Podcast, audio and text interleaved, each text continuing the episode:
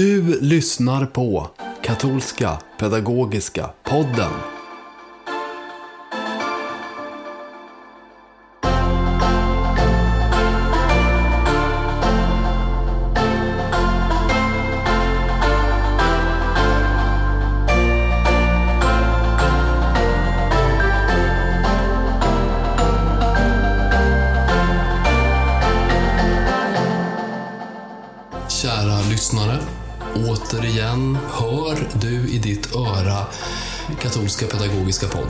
Sitter jag, Jim Lagerlöf, och mitt emot mig sitter Ulrika Erlandsson. Hallå! Hej! Hur är läget? Det är bara bra. Trots att fastan precis har börjat. Ja, men precis. Fastan är som en ny möjlighet. Gud ger oss att eh, en gång om året få ta sig tillbaka och, och lite mer en fas av besinning. Och jag tänker det omfattar ju både hur jag lever mitt liv, maten för min egen personliga del påverkas så att jag äter lite annorlunda och, och, och, och försöker hitta mer stunder för, för ja, stillhet och meditation och, och förberedelse för bikt. Och, ja, det, det, det är ändå Ja, det påverkar. Det, det är inte som vanligt. Det är inte som vanligt, nej. Och jag, jag har alltid gillat fastan. Eh, det kan undra varför egentligen, för det är ju liksom väldigt avskalat och på ett sätt skulle någon säga tråkigt. Särskilt om man tycker mycket om eh, utsmyckningar av till exempel sitt hem. Jag tycker ju, okej, okay, bort med alla blommor, lite tråkigare gardiner. Man liksom, jag, jag vill att man ska betona det här tråkigare mat också. Eller tråkigare, annorlunda mat. Vegetariskt. Jag, jag, jag tycker verkligen man försöker gå in. Man får, det blir som nyår, du vet med nyårslöften och så. Att fastan blir den här perioden när man kan börja om. Eh, man får så mycket hjälp av kyrkan att börja om i fastan tycker jag. Och därför kan man ju fira desto bättre och mer, ja. eller hur? Ja. Man måste avstå först. Det blir ja. Påsken och allt annat firande, uppståndelsens glädje blir så mycket mm. större. Ja, men jag, precis. Och när väl påsken kommer, jag är inte alltid beredd. Jag vet inte, jag tänker ofta på det. Att de som stod där vid den tomma graven, alltså den här sorgen, det tar egentligen lång tid att gå från den typen av sorg, där ens bästa vän är död och så, och plötsligt bli väldigt glad. För, mm. Jag tror att förvåningen där blir kvar. Jag känner igen det för att jag tycker när de tänder alla ljusen och börjar spela Gloria på påsknatten, att det tar en stund att vänja sig vid att det är mm. påsk. Jag kan berätta bara alldeles nyss så googlade jag efter kvinnorna vid graven och jag ville ha en glad bild på glada kvinnor. Mm. Men det var nästan mm. omöjligt. Mm. Mm. för de ser alla lite förtvivlade ut, graven är tom liksom. För, jag, för det, vi ska ha en fin serie på hemsidan med passionsberättelsens olika steg och då ska det ju sluta då med glädjen att mm. Graven är tom, halleluja. Men, men det var inte lätt att hitta, så det är precis som du säger. Mm.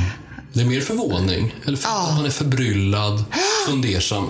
Har de flyttat kroppen? Ja. Hela den här grejen. Va? Precis, chocken. Mm. Och i fastan har vi också våran nya grej, den här fastekalendern med en liten ja. uppgift för varje dag. Och det kan man ju både göra själv, ha den här fastekalendern uppsatt på kylskåpet eller i telefonen kan man ha den här bilden. Eller man kan göra det i kateketgruppen med barnen, ungdomarna som en liten utmaning. Vilka av de här uppgifterna, utmaningarna har du gjort under veckan? kan man titta på, för det finns en liten utmaning för varje dag hela vägen fram till påsk. Ja, det är roligt. Den finns på hemsidan. Okej, okay, så fasta och påsk, det är intensivt och det händer också mycket här på KPN just nu, eller hur? Ja, men precis. Du har en lång eh, lista. Jag, jag tänkte bara ändå tipsa om att vi har en liten film, nyproducerad, som Jim står bakom om fastans symboler vi kan mm. rekommendera på vår hemsida.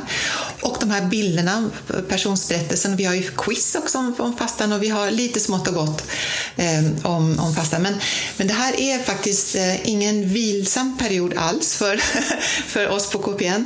Det har blivit ett sånt drag och stort intresse kring direktorium för katekes och det tycker jag är jätteroligt. Vi, under våren så presenterar vi direktorium i Skövde, Angered, Stockholm, Örebro, Jönköping, Umeå. Och det är så kul. Så fastän folk också har varit på kongressen, vid de här tillfällena får man ju ett annat tillgång till de direkta texterna också i direktorium. Så det har varit och, och, och kommer att vara väldigt eh, spännande möten. Jag, jag, tycker det är så vansinnigt roligt att träffa kateketer också. Och, och sedan också dekanatmöten där vi träffar prästerna, kommer att vara presentationer. Och så har jag blivit inbjuden till Nordiska biskopskonferensen där det ja. kommer biskopar från Island, Norge, Finland, Danmark, Sverige. Och där också presentera direktorium för katekes. Och det är naturligtvis jätteroligt. Det kommer bli i Luxemburg i mars när de samlas där. Och, och för den, direktionen kommer ut i Norge och Danmark också.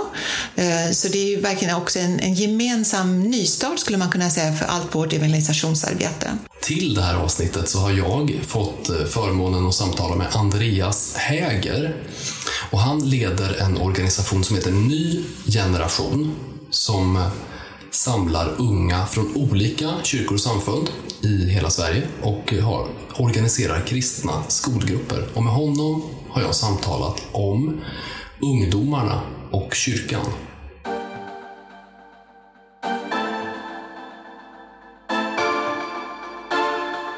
Andreas Häger leder sedan några år den ekumeniska ungdomsorganisationen Ny Generation som stöttar unga kristna att driva skolgrupper lokalt runt om i Sverige. Han är själv ung och ovanlig i Sverige just eftersom han valt att bli kvar i kyrkan. Välkommen hit, Andreas Häger. Tack så jättemycket Jim. Fantastiskt roligt att få vara här. Ja, det är det faktiskt. Ja. Vi har ju åkt bil tillsammans du och jag. Ja. Det är några, några månader sedan nu, kanske ett halvår sedan. Och när man åker bil, då har man ju fan, jag tycker man pratar på ett annat sätt när man åker bil ibland. Man, man liksom har blicken i fjärran, vid horisonten och så har man liksom tanken svävar bort och man liksom kan koncentrera sig på väsentliga saker. Det är liksom magiska samtal nästan som sker Ja, exakt. Ja, men det, jag tycker det är det. Och jag tror inte vi har chans att komma till ett så fint samtal idag. Men... Men du, målbilden är där. Ja, ja exakt. Vi ska försöka återskapa det samtalet nu. För det var ett väldigt bra, intressant samtal. Som handlar ja. både om vem du är, varför är du kvar i kyrkan överhuvudtaget, hela den biten. Och du jobbar på en ny generation, spännande mm. tycker jag. Och det här med ungdomar, som många som är kvar i kyrkan funderar på. Varför lämnar alla ungdomar och vad kan vi göra åt det? Jag tänkte att vi skulle mm. faktiskt svara på den frågan. Ja. Kanske inte heltäckande, men i alla fall försöka.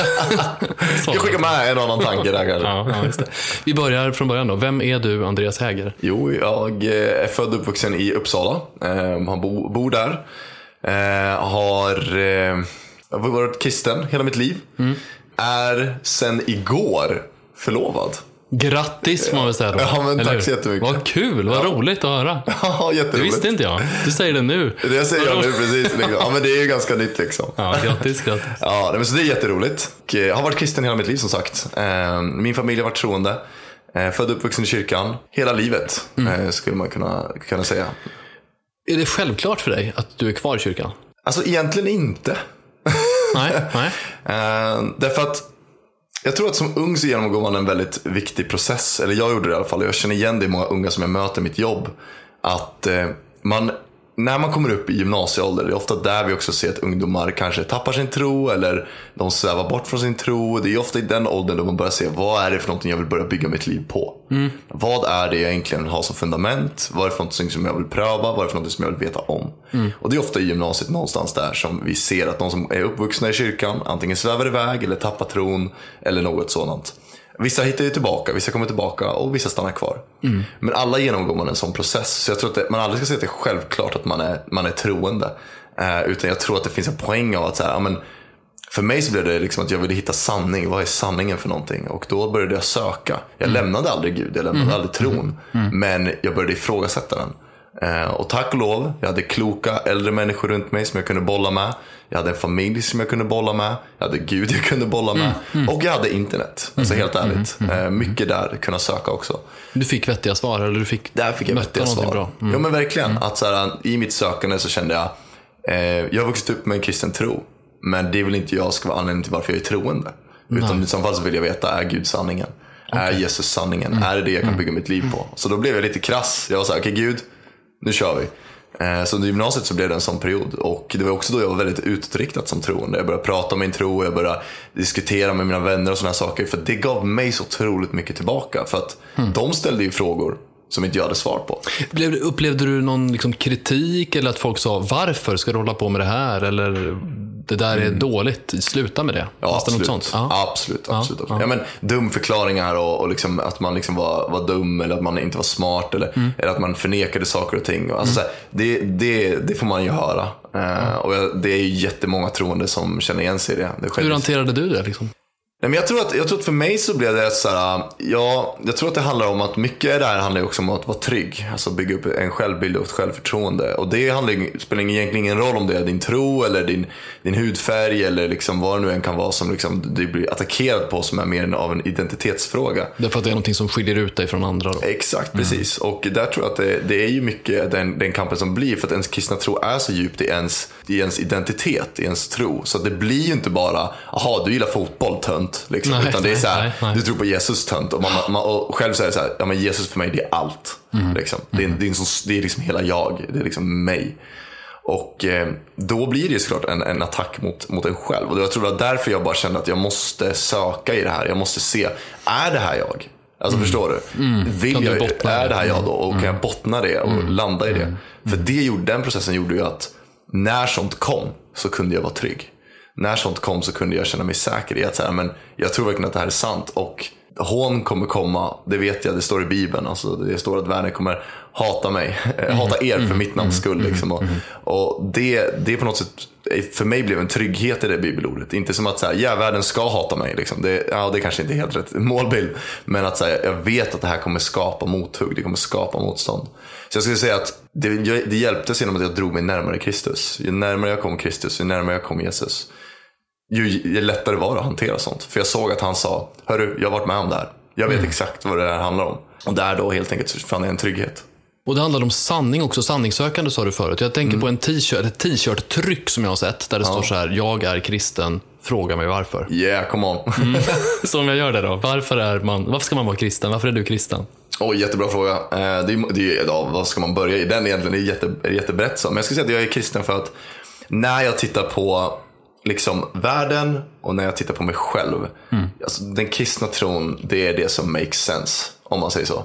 Det är liksom ett intellektuellt svar skulle man kunna säga om man tittar på det mer intellektuella och liksom smarta så. Sen så rent filosofiskt också så skulle jag säga det. Om jag tittar på en optimal värld, då är det den kristna världen jag ser.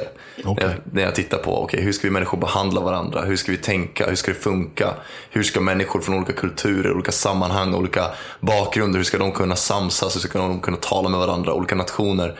Alltså vad, när jag tittar på allt det här så ser jag att, okej, vänta. Ja, men det är ju ändå den kristna grunden på något sätt som bygger det. Mm. Men sen också det som är min egna vandring med Kristus. Jag har haft upplevelser och tillfällen med Kristus där jag där jag inte kan förklara något annat än att det är Jesus eller den helige ande eller Gud. Liksom, när man har suttit på möten av olika slag eller hört predikningar eller vad det nu kan vara. så liksom, Det blir så här, men det här är någonting som bara Gud kan göra. Och även i min stillhet, i det tysta rummet när jag har varit själv. Där möter någon mig. Och den är Gud. Jag kan bara beskriva det med Gud. Så dina personliga upplevelser har Ja, stor absolut. betydelse? Ja, men det, jag tycker, och det tycker jag är viktigt, för när man ställer den här frågan, eh, eller när man säger det här, jag är kristen, fråga mig varför. Om någon ställer just den frågan, du sa, men varför är du kristen då? Det är så viktigt att komma ihåg att så här, det står, jag är kristen, fråga mig varför. Det handlar inte om, om att det är två miljarder i världen som är kristna, nej, fråga nej, mig nej. varför. Utan det är jag är kristen, fråga mig varför. Och det är något som är viktigt, för det står ju också i Uppenbarelseboken att genom eh, Lammets blod och sitt vittnesbördsord så övervann de.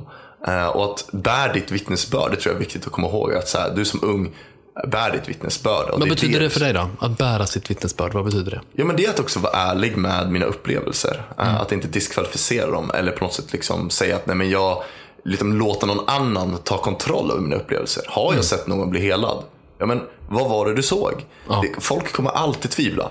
Liksom, folk kommer alltid kasta in liksom, eh, saker och ting. Eller när jag stod där på mässan eller tog emot nattvarden eller när jag stod i lovsång eller vad det nu än kan vara. Liksom, så här, det jag upplevde där, men låt det få vara äkta. Låt det få vara det som du verkligen känner och tänker i det. Och låt ditt vittnesbörd få vara ditt vittnesbörd. Låt ingen annan ta över det. Utan låt det få vara ditt. Eh, och det är kanske inte alltid självklart vad det kan vara.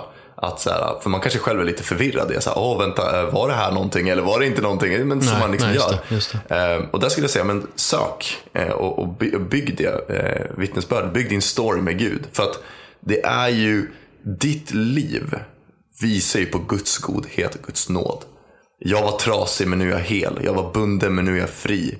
Jag var vilsen men nu har jag hittat en väg. Jag hade mörker, jag fick ljus. Jag kände oro, jag fick frid. Jag, hade, jag, kände aldrig kärlek, jag blev älskad. Alltså, det visar ju på vem Gud är. Eh, Så var inte rädd för ditt vittnesbörd skulle jag säga. Är det så att du har gått igenom någonting och Gud har gjort någonting, berätta det. Skäms inte för det. Gud har gjort någonting i det. Och samma sak om du har levt ett ganska problemfritt liv. Du har levt med Gud hela livet. Det var en grej jag behövde gå igenom när jag var ung mycket. Jag levde ett ganska problemfritt barndom skulle jag säga. Väldigt tryggt hem, trygg skolgång och sånt där. Visst jag fick höra grejer för min tro men det var ändå lugnt. Men det gjorde att helt enkelt när när då, eh, när jag fick berätta mitt vittnesbörd så var det att genom allt, i alla mina år, genom människor som har gått bort, människor som har kommit till, vad det än som kan ha hänt, så har jag kunnat lita på Gud. Alltså jag vet att Gud har hållit genom allt hittills. Så därför kan jag satsa på honom fortfarande.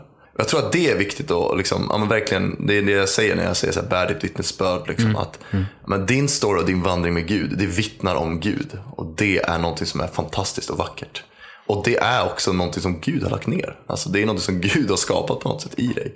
Så det skulle jag säga, våga, våga berätta ditt vittnesbörd. Eh, det Jag tycker alltid, ja men exakt det gör det. Och jag tycker alltid, du vet när man är ute och möter människor som undervisar andra i tron. Alltså jag möter ju det som vi kallar för kateketer i katolska kyrkan. Då, personer som söndagsskolelärare, säger man kanske på andra ställen. De har alltid liksom en egen berättelse som är ganska stark. Om man vågar fråga, vad, varför är du aktiv här? Varför är du med i församlingen? Varför finns du i kyrkan? Vad, vad är det som gör att du vill engagera dig? Då kommer det, jag skulle säga alltid, en spännande berättelse. Om man vågar sitta kvar och lyssna, eller om man vill höra. Eh, Men jag tänker på, du jobbar ju då i en organisation som heter Ny Generation. Och där får du på något sätt jobba med precis det här som vi pratar om nu. Ja. Vad är Ny Generation för någonting? Yes, Ny Generation det är en allkristen student och elevorganisation som är en rörelse av unga människor som vill visa på Jesus i skolan skulle man kunna säga. Kort och gott. Så det är helt enkelt en rörelse av unga människor som från olika samfund, det är liksom katolska kyrkan, ortodoxa kyrkan, lutheranska kyrkan, protestantiska, eh, frikyrkorna. Det är liksom från hela kyrkospektrat. Så ungdomar kommer samman i kyrkan, eller i skolan och eh, där då helt enkelt har en kristen skolgrupp. Eh, Och den kan se olika ut. Det kan vara att man sitter och ber tillsammans eller man sitter och pratar och diskuterar eh, tro tillsammans.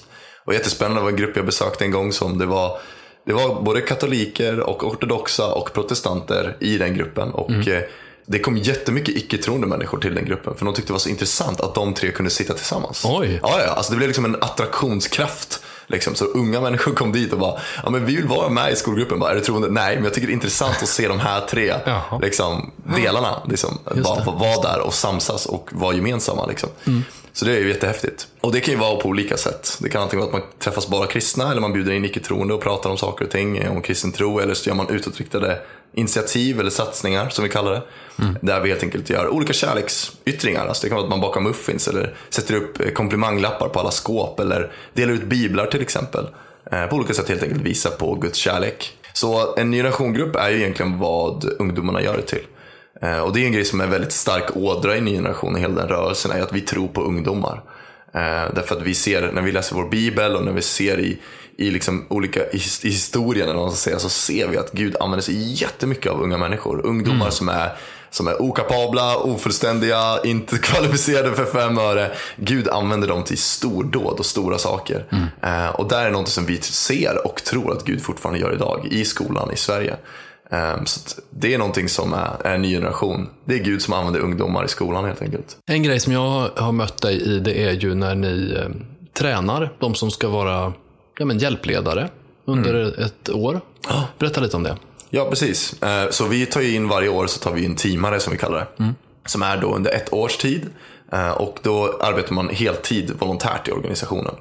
Eh, Och då kan man jobba med lite olika saker. Man kan vara en coach eller en content creator eller crew som det heter. Eh, Coach det är de som man kanske tänker är klassiska hjälpredan. De är ute och reser, de träffar ny grupperna det är de som har samtal med dem, coachar dem på olika sätt. De, de har den personliga kontakten med grupperna skulle man kunna säga. Sen har vi content creators, det är de som skapar mycket av våra sociala medier, kläder, resurser, eh, olika saker runt omkring helt enkelt för att bygga då, eh, den här rörelsen helt enkelt.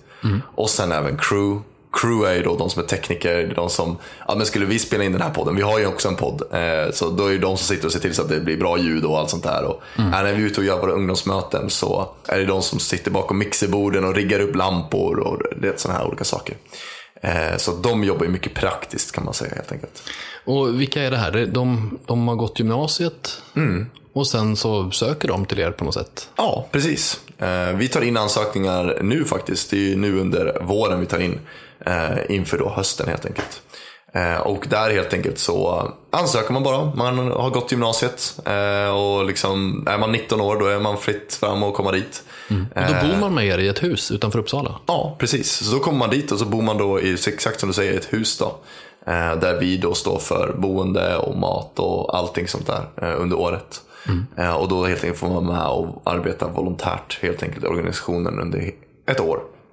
Just med olika uppgifter. Så det är fantastiskt kul. Jag gjorde det två år. Man kan göra det i två år om man vill. Man, man signar upp på ett år, men man kan göra ett tilläggsår om man vill också. Just det. Eh, och alltså det är helt fantastiskt. Få bo tillsammans med andra troende. eh, Få ut och se vad Gud gör i ungdoms-Sverige. Alltså det är så mycket som händer. Det är helt fantastiskt att se.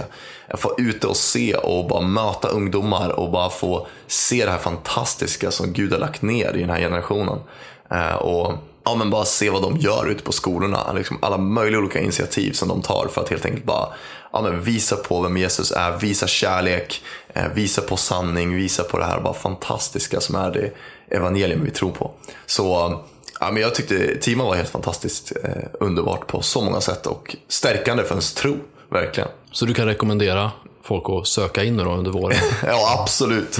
100 procent, det ska jag säga. Så det är bara att googla ny generation och Tima så, så hittar ni det. Men det är, det jag skulle verkligen rekommendera att göra det. Det är ett fantastiskt år verkligen att få ja, men verkligen gå in, till skillnad från en bibelskola eller vad man ska säga, så är det liksom praktiskt. Det är väldigt praktiskt. Man liksom får jobba väldigt praktiskt med sina gåvor och utmaningar och talanger och saker och ting man behöver slipa på och allt sånt där. Eh, och bo tillsammans med andra troende. Det är ett fantastiskt bra första steg ut från mamma och pappas trygga hem kanske och sådana där grejer. Så att, nej, men det är jag highly recommend. Det är fantastiskt bra verkligen.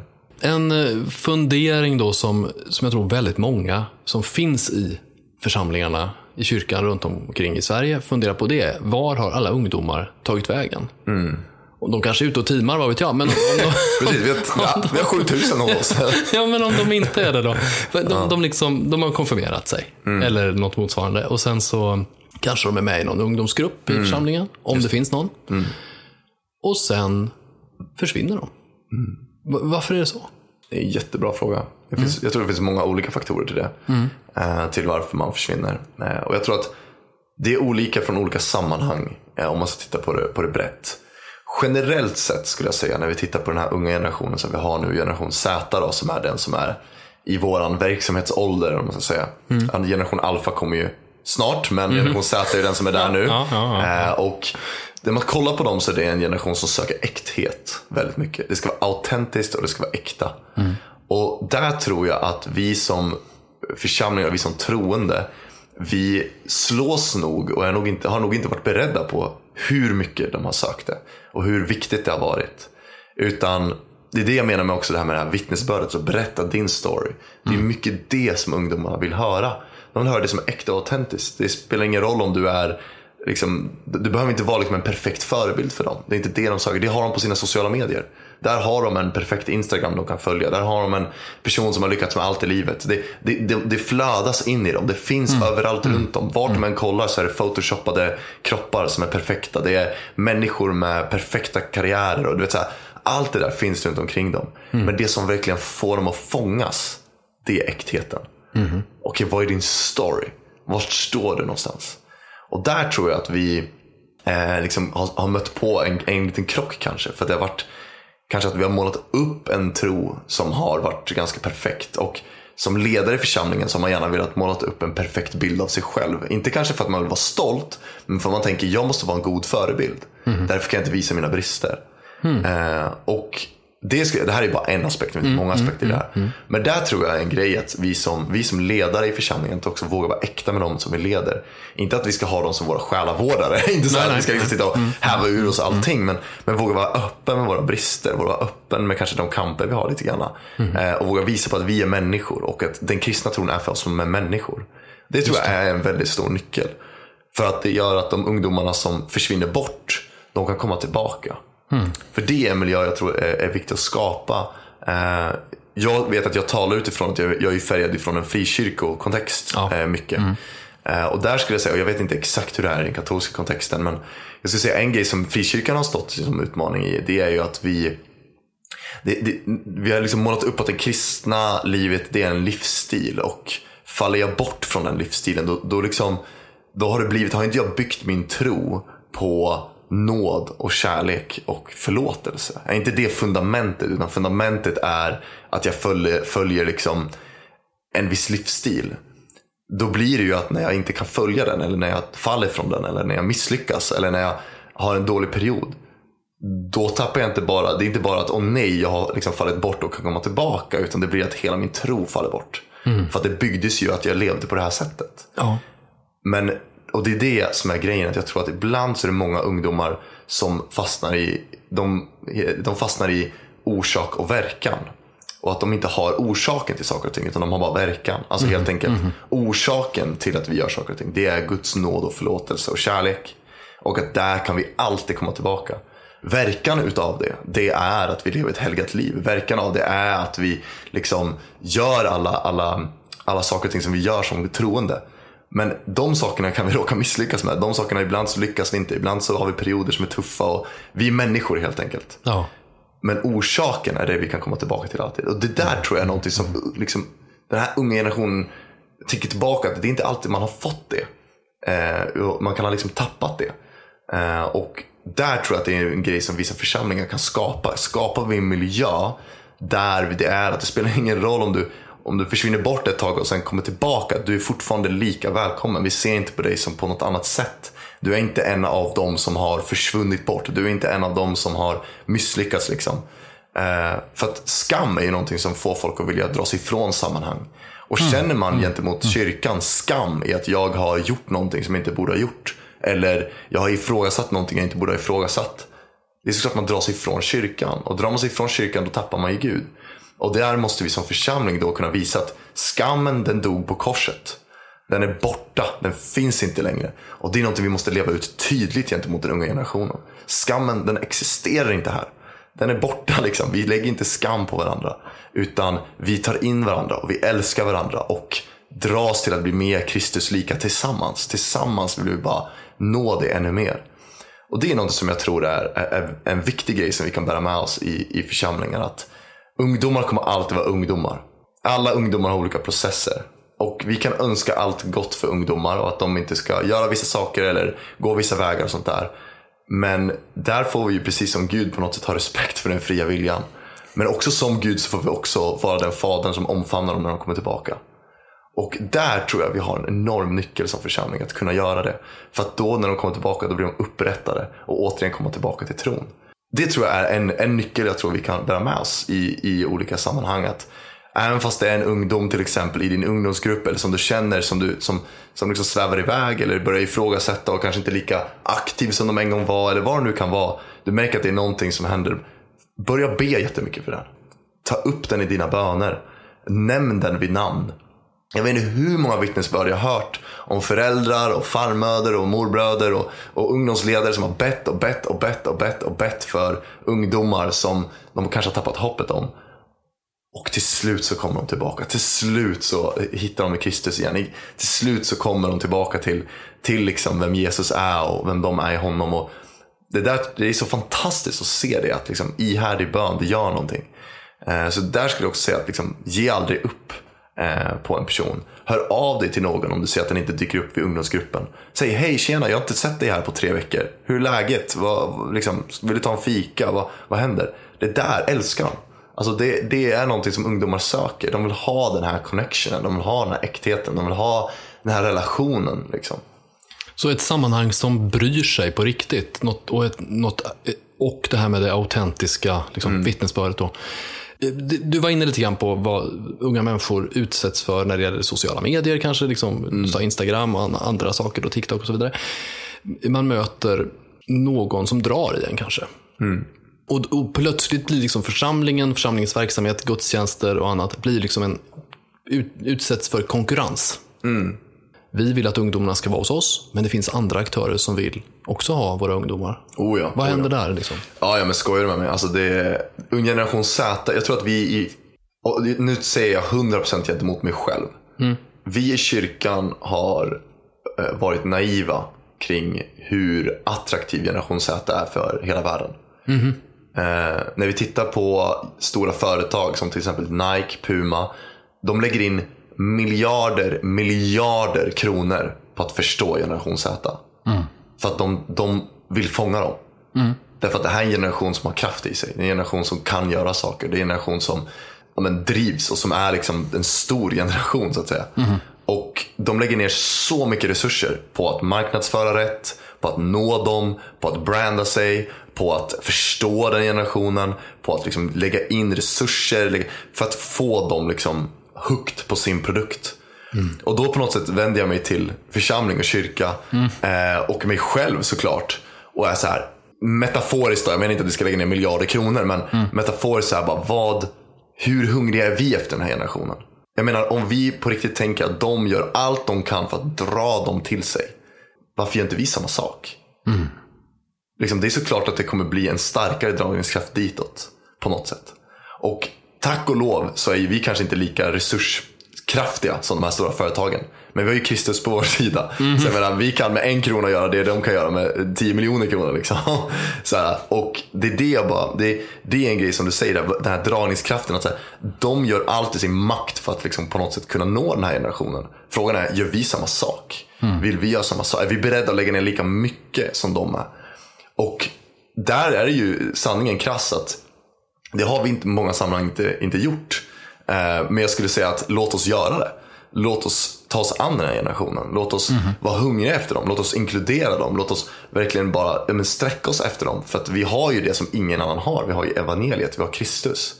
Och där är ju någonting som jag tycker är ett, ett nice, eller liksom ett perspektiv på något sätt att ha i, i det här. Bara så här det, är, det finns väldigt starka aktörer som vill att folk ska bli helt och hållet slukna in i deras sammanhang. Vilket inte är konstigt. De är företag som vill bedriva vinst. Alltså så här, det, det är deras mål. You can't really blame them på ett Nej, sätt. nej, nej. Liksom. Men när vi ser på det vi har som en hel livsomvandlande, livsavgörande liksom, del i livet. Det är såklart vi ska vara hungriga att generation Z ska ha det. Det är såklart vi är hungriga att ungdomar ska få tag i det. Eh, och där skulle jag verkligen rekommendera att men, ta in ungdomar, prata med ungdomar, diskutera med dem, eh, bolla med dem. Eh, jag läste en artikel i en, i en tidning häromdagen om ungdomar som drog i, de gjorde ett eget ungdomsmöte. De drog, drog massa ungdomar i också omnejden och drog till ett eget ungdomsmöte. De, de drog ihop ett eget med ett eget initiativ. Ja.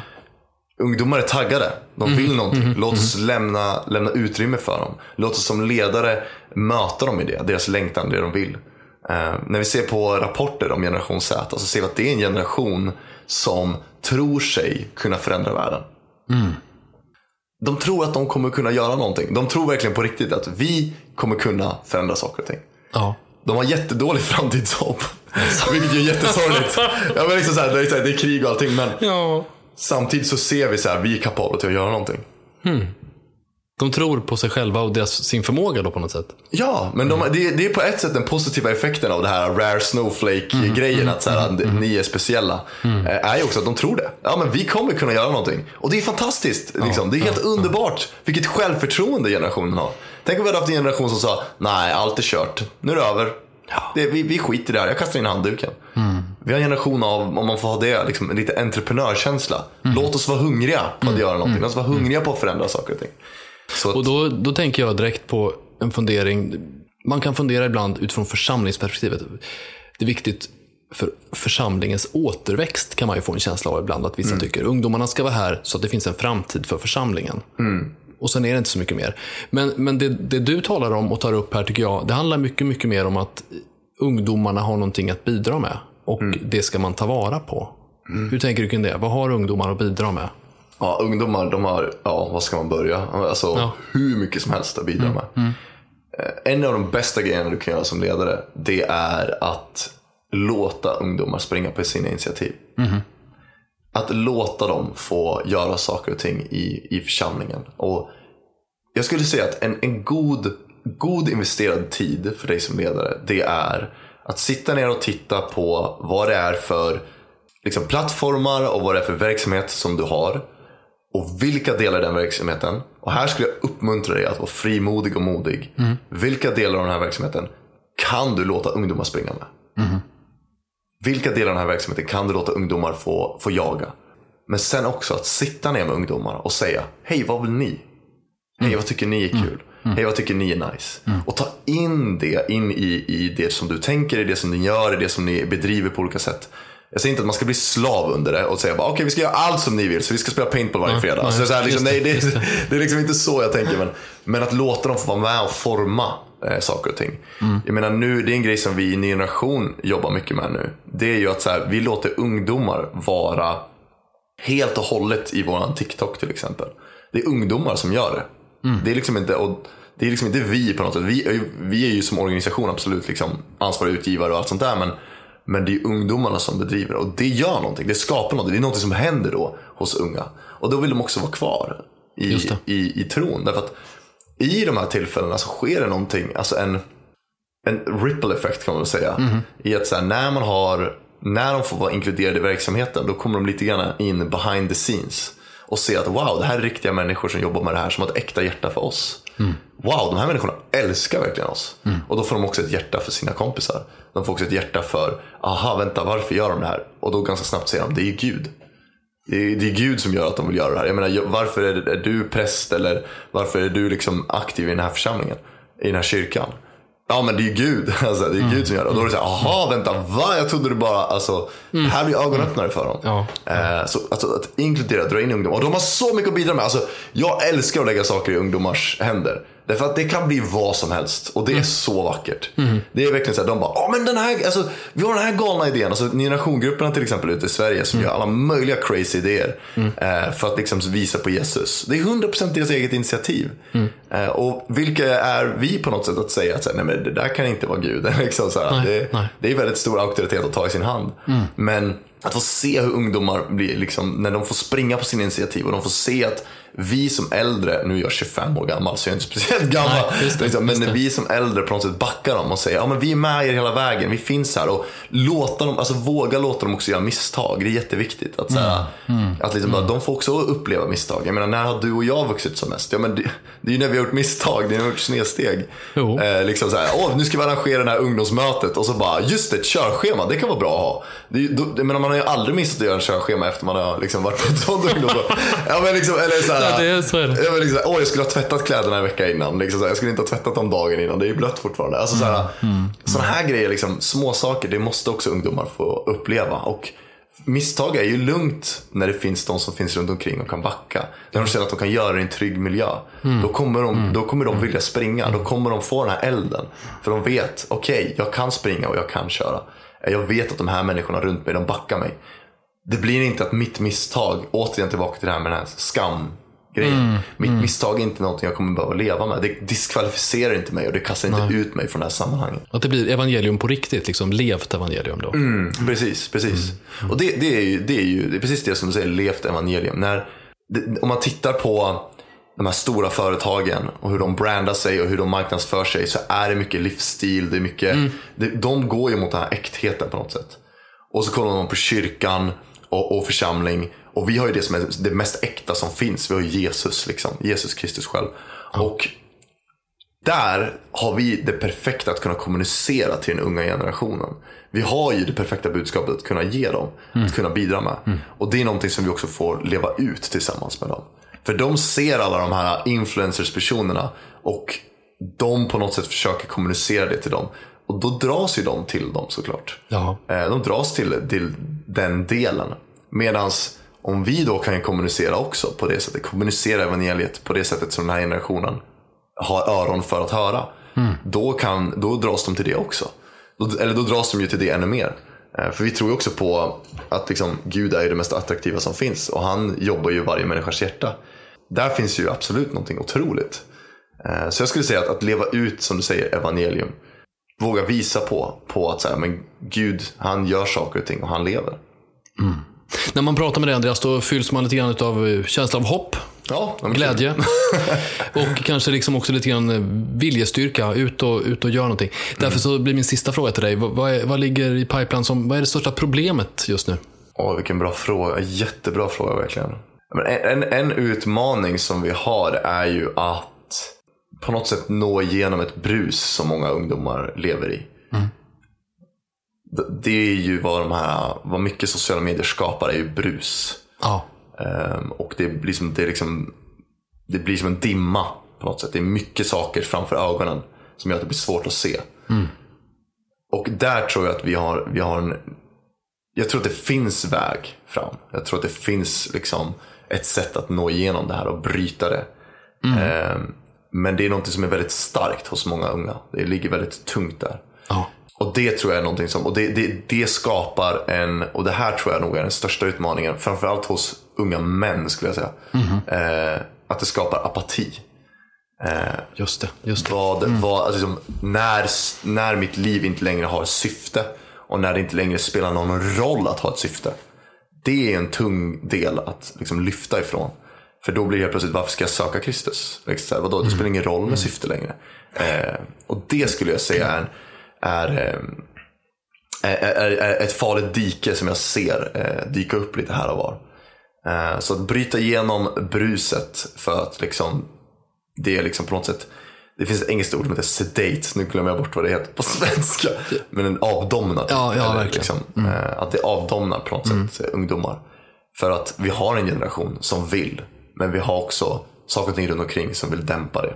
Vad intressant. Alltså precis det här som du sa nu. Att jag tänker, en av mina favoritfilmer det är ju den här Batman-trilogin som kom Yeah. för några år sedan. Då är det ju Jokern som är med i en av de här eh, filmerna. Och eh, Han är ju en superskurk och eh, gentemot andra brottslingar då i den här staden där det utspelar sig så har inte han, han har inget större syfte. Alltså han vill inte bli rik, han vill inte sprida någon ideologi, utan han vill bara skapa kaos.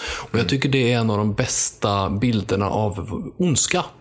Alltså ondskan som saknar syfte.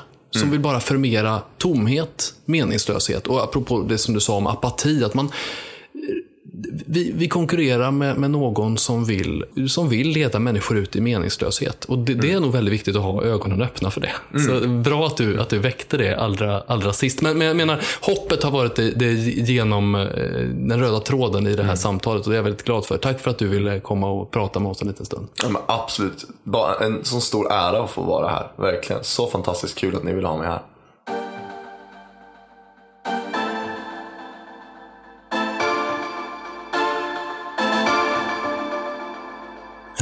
Ulrika, då har vi hört Andreas Häger.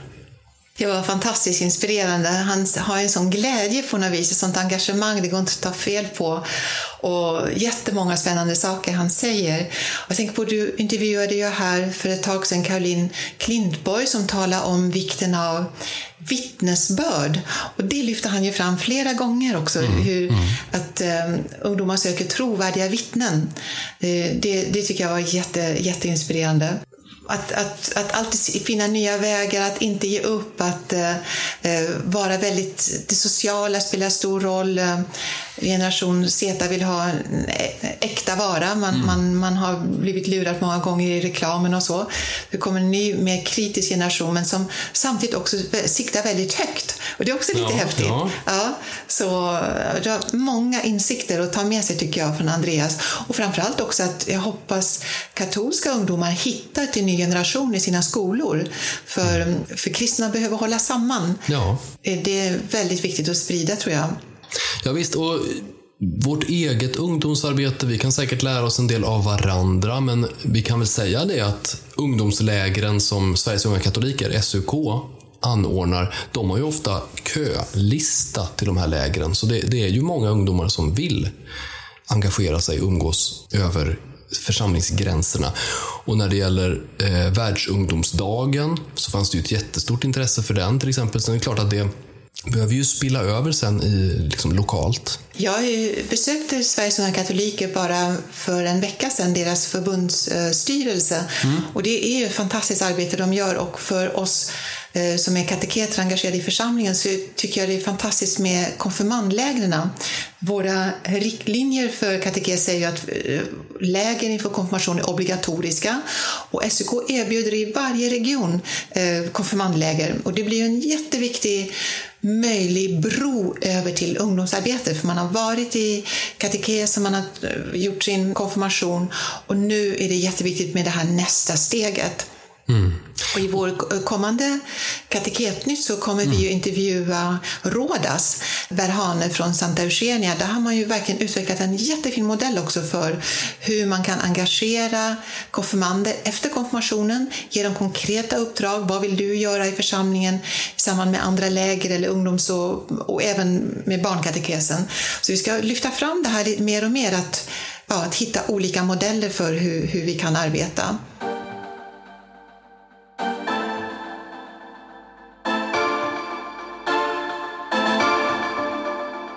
Boktipset den här gången anknyter lite grann till det här temat som vi talar om tillsammans med Andreas Häger och som Ulrika och jag pratade om alldeles nyss här. Och eh, det är en bok utav Emma Bergqvist som heter Våga leda. Emma Bergqvist hon jobbar på Alpha Youth ehm, som är liksom ungdomsalfa. Och Alfa är ju den här kursen i kristen tro för nybörjare som eh, har ganska höga ambitioner i vårt land en miljon svenskar ska ha, ha gått alfakurs fram till 33. Så de har högt ställda mål. Det är många grupper runt om i vårt land. Det är till exempel församlingen i Kristus konungen ska ha alfakurs.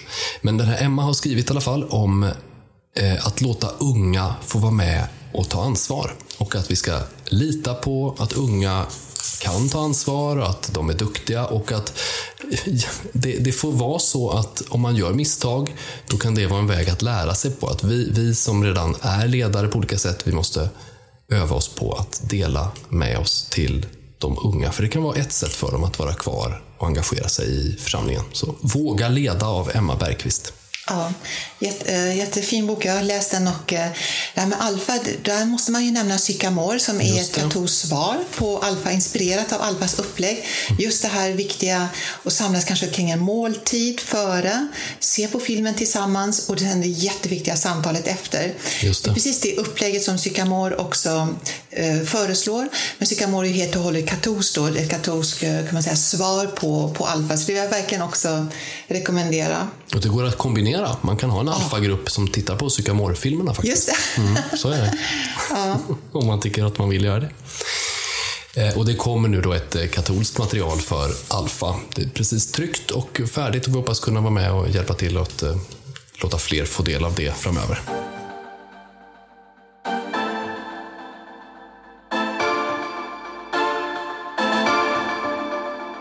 Ja, frågan den här avsnittet den lyder Vad säger Direktorium för katekes om unga vuxna? En hel del tror jag, eller? Ja, och det är faktiskt en hel del som anknyter till det Andreas tog upp och det tycker jag var så roligt ändå. Vi, vi lever i samma värld, vi har samma utmaningar, samma unga vuxna ungdomar vi, vi möter. Och det som lyfts fram till en början det är Jesus på väg till Emmaus, Emmaus-lärjungarna.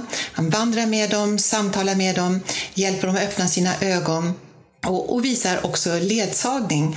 Och att eh, man beskriver den här livsfasen, en period, just, just som Andreas också nämner, ägnad åt stora ideal, frikostiga former av heroismen och krav på sammanhang mellan tanke och handling. Så står det här. Och det är väldigt mycket av det som, som Andreas också kom in på. Ehm, man lyfter fram betydelsen av kerygma, ni vet hjärtat i, i, i vår förkunnelse, i vår tro. Att visa på Herren Jesus som en kärleksfull broder och vän. Att det bland alla ungdomar och unga vuxna finns en längtan efter skönhet och godhet. Eh, man lyfter fram behovet hos unga vuxna att om trovärdiga vittnen vid sin sida. Precis det som Andreas och Karolina pratat om tidigare också, att inte bara undervisa om kyrkans tro, vad säger kyrkan här, utan också vad betyder det här för mig? Vad har det betytt för mig? Och här, sen står så här att många tonåringar går allt mer sällan i kyrkan snar, beror snarare på avsaknaden av positiva och meningsfulla alternativ för den egna åldersgruppen. Ehm, samtidigt prövar ungdomar de vuxna för att testa deras äkthet. Ehm, och som behöver de då vuxna präster och äldre jämnåriga som visar att tron kan levas ut med glädje och konsekvens. Och, eh, och där tänker jag också att vi kan verkligen tänka till. Ja, men vad har vi i vår församling att erbjuda för de unga vuxna, för, för tonåringen? Vi måste ju lära av Jesus som lyssnar till ungdomarna med tålamod, förstår deras oro och gå in i uppriktig dialog med dem och vara en andlig medvandrare.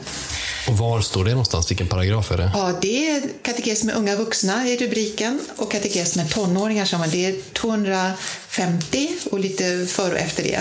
Så där kan man läsa själv om man har ja, direktorium hemma? Precis, precis. Mm. och en verksamhet präglad av medmänsklighet och mission.